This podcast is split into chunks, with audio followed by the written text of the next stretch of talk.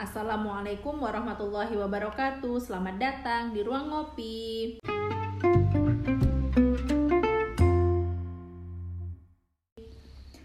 Halo teman-teman semua, Alhamdulillah kembali lagi bersama kita di episode ke-26 Ruang Ngopi masih bersama Aska dan Arum. Oke, nah ini udah episode ke-26 nih Rum ya Yaps. Ibarat kata kalau cita-cita kita kita bisa bikin 100 episode dulu Kita udah Yap. nyampe di uh, second quarternya ya Iya, nggak sih? bener, nah, bener. kalau sebelum-sebelumnya kita kan biasanya ngebahas topik-topik tentang apa ya solving the negativity in our life ya Yap. nggak sih ada permasalahan apa and how we solve it ala ruang ngopi ya. Ya, Nah, benar. karena ini udah episode ke-26, this is the second quarter gitu. Kita pengen kayaknya ganti topik Mm-mm. ke sesuatu yang mungkin lebih fun, tapi maksudnya bukan lebih fun ya, Lebih lebih, positif. gitu.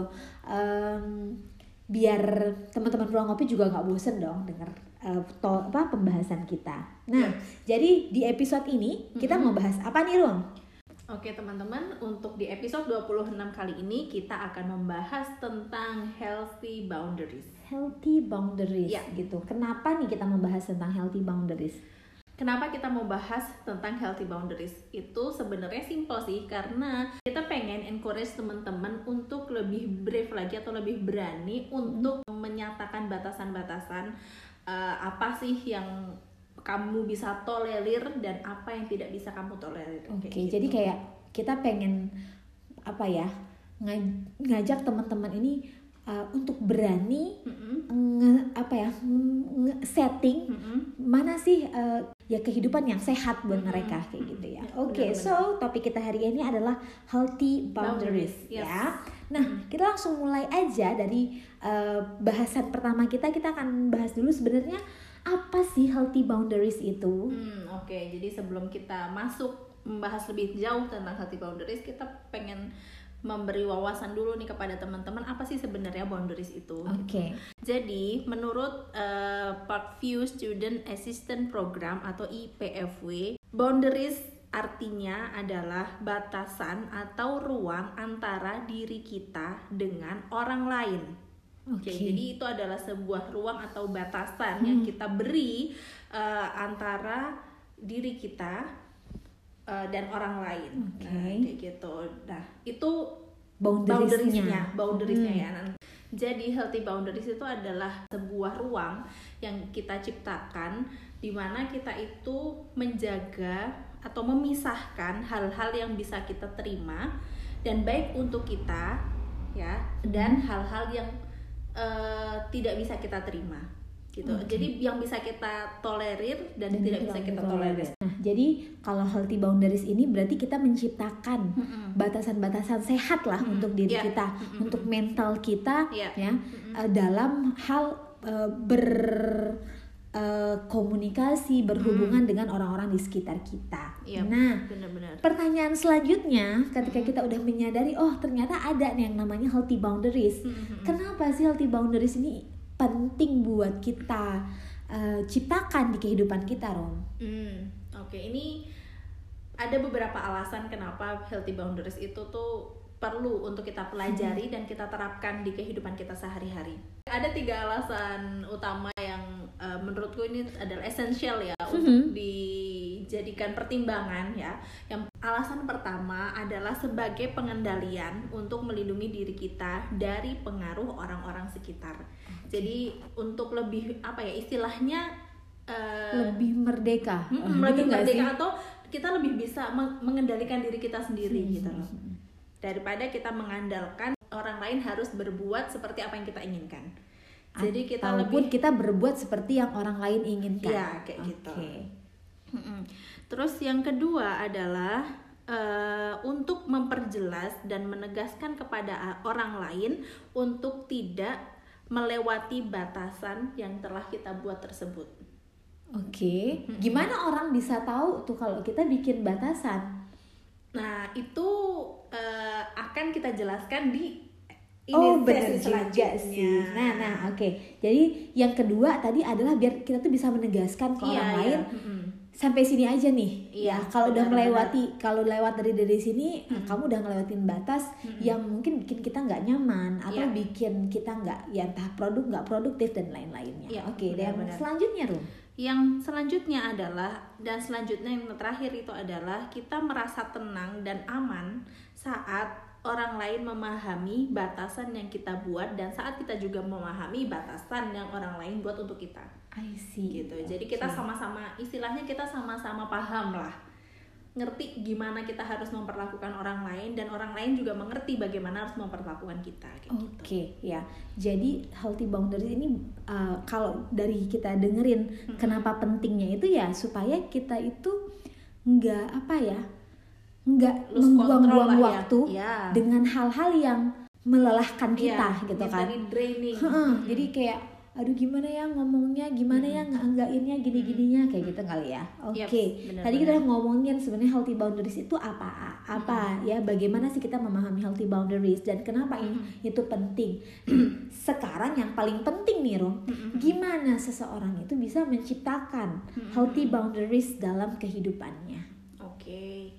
Jadi, sebelum kita sampai kepada sesi how atau bagaimana sih kita menciptakan boundaries dalam kehidupan kita, yang perlu kita garis bawahi sekali lagi adalah healthy boundaries yang ingin kita ciptakan itu bukan dalam artian kita ingin menyakiti orang lain atau kita ingin membatasi diri kita dari kehidupan sosial yang ada di sekitar Gak kita. egois gitu. juga, Iya, gitu. benar.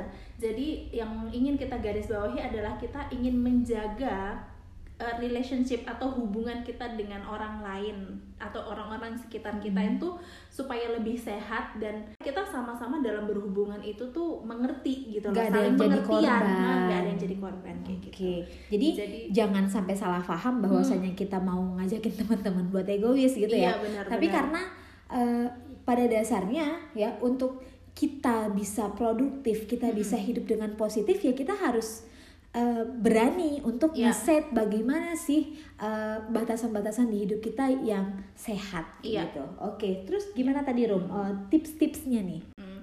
Oke, tipsnya ini aku juga akan kasih yang eh, menurutku yang paling mudah aja yang Iya. dipraktekkan teman-teman ya. Dan aku juga ini em, apa ya mencari hal-hal yang paling mudah untuk aku praktekkan untuk diri Mhm. sendiri.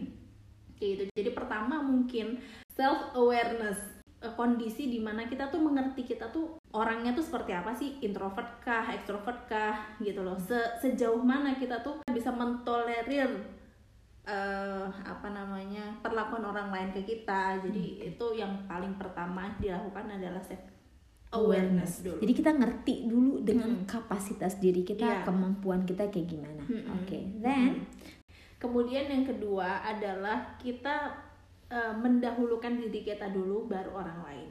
Mhm, kembali lagi ini bukan dalam artian kita mau egois ya. Mhm. tapi nggak adil juga buat orang lain ketika kita tuh nggak hadir 100% buat mereka. Ngerti nggak sih?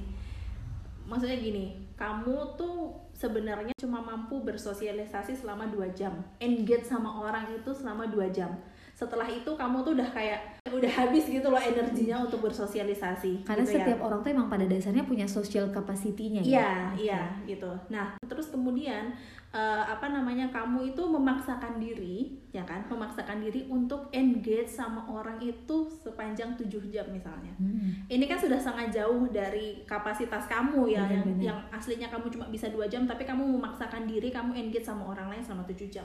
Ini sebenarnya kalau ja- satu dua kali gitu itu mungkin bisa ditolerir ya. Tapi kalau misalnya kamu terlalu sering ya kan terlalu sering melakukan ini itu nggak baik juga buat diri kamu. Dan kamu malah eh, kesannya menjadi pura-pura gitu loh. Oke. ngerti nggak sih? Jadi kamu nggak hadir 100% untuk orang tersebut dan kamu benar-benar memberi solusi yang terbaik buat mereka tapi kamu malah jatuhnya lebih pura-pura. Oh berarti Rum kalau ta- dengan tadi ya dua poin pertama tadi setelah kita memahami kan kita udah self awareness nih kita udah tahu oh ke- eh, batasan apa ya kemampuan kita tuh sampai mana sih? Mungkin kalau dalam bersosial kemampuan kita seperti apa sih sampai Iya. mana gitu kan? Mm. ya udah kalau udah tahu kemampuannya seberapa kamu nggak usah ngelewatin kemampuan itu Iya, gitu. benar, jadi memprioritaskan dirinya dalam artian ya udah ikut batasan kemampuan kamu jangan mengorbankan diri di situ Iya, gitu kan ya oke benar-benar. nah terus apa lagi Rum setelah itu Nah, yang terakhir yang menurutku penting ya kan itu adalah untuk mengkomunikasikannya kepada orang lain gitu ini tricky ya bisa Banget. jadi perlu bisa jadi tidak perlu begitu Mhm. kalau misalnya memang kalau menurut kita eh, orang ini tuh perlu kita kasih tahu nih oh aku cuma bisa sampai jam segini kasih Hmm. tahu lah gitu tapi kalau misalnya sekiranya orang tersebut sudah paham gitu kita tuh orangnya seperti apa gitu terus em, keseharian kita seperti apa dan menurut kalian mereka tuh tidak tidak perlu lagi gitu kita eh, kasih kita tahu. kasih tahu ya it's okay Itu- itu lebih masalah mudah itu lebih gitu mudah gitu cuma in some cases gitu Hmm. ya em, mengkomunikasikan boundaries ini perlu kayak gitu. Bener. Tapi tri, ah, menurut aku trikinya adalah dalam beberapa kasus ya Rum, Mm-mm. orang kadang nggak belum berani buat ngomongin itu ke orang Iya, iya. lain. Ta- takut dengan eh, apa misalnya kayak dia takut dipandang seperti apa, apa gimana Hmm. gimana gitu deh. Jadi kayak efek sampingnya kalau dia ngomong nanti dibilang kayak sombong apa Hmm. gimana gitu. Nah, gimana sih untuk kita bisa memberanikan diri buat mengkomunikasikannya itu?